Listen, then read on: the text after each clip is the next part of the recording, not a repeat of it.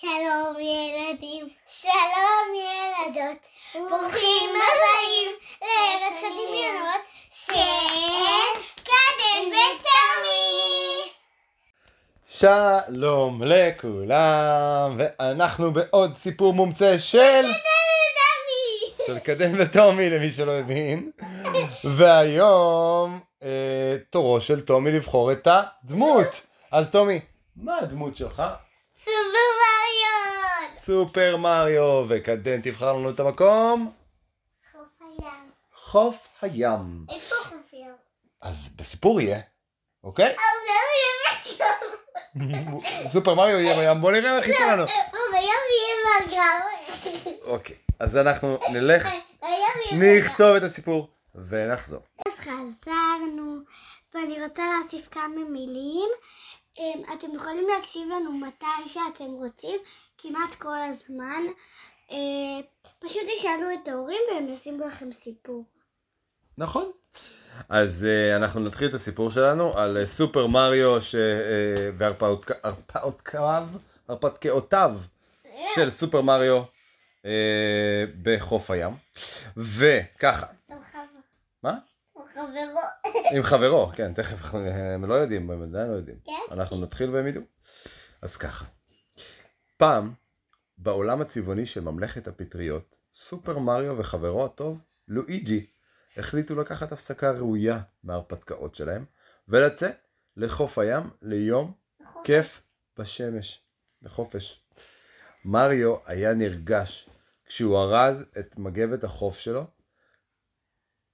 קרם הגנה וסלסלת פיקניק מלאה בחטיפים אהובים עליו. לואיג'י, בהיותו האחראי, דאג שיהיו להם הרבה מים, והם יצאו לדרך. כשהם הגיעו לחוף, קיבלו את פניהם החול החם וכל הגלים המתנפצים על החוף. מריו ולואיג'י לא בזבזו זמן, וקפצו ישר למים. מתיזים וצוחקים, בזמן שהם שיחקו משחקים, ובנו ארמונות בחול. הם אפילו התיידדו עם כמה יצורי ים ידידותיים, כמו דולפין קטן וחמוד בשם דייזי, ותמנון שובב בשם אולי. ככל שהיום חלף, מריו הבחין במשהו מטריד. הוא ראה קבוצה של ילדים שלא היו מאוד נחמדים זה לזה. הם רבו על צעצועים ולא שיתפו. מריו ידע שזה לא נכון, והחליט להתערב.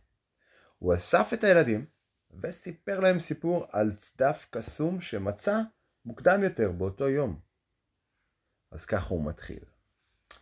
פעם, פתח מריו, מצאתי צדף יפהפה על החוף, וזה העניק לי משאלה. ייחלתי שכולם ילמדו את החשיבות של טוב לב ושיתוף. הילדים הסתקרנו והקשיבו בקשב רב, ומריו המשיך. מריו המשיך לספר להם. בקשב רב. הקשיבו, הקשיבו ממש, ממש הקשיבו למריו, הם היו מרותקים מהסיפור שלו. שממש לא דיברו. לא דיברו, הם היו מרוכזים. בדיוק ככה, טומי. את מופתע. כן. מריו המשיך. הצדף לימד אותי שאושר אמיתי נובע מהפצת הטוב לב ושיתוף עם אחרים. כשאנחנו חולקים, אנחנו יוצרים הרמוניה ושמחה מסביבנו. ממש כמו גלי האוקיינוס שרוקדים ומשחקים ביחד. הילדים קיבלו השראה מהסיפור של מריו והבינו שהם התייחסו זה לזה, שהם לא התייחסו זה לזה בחביבות.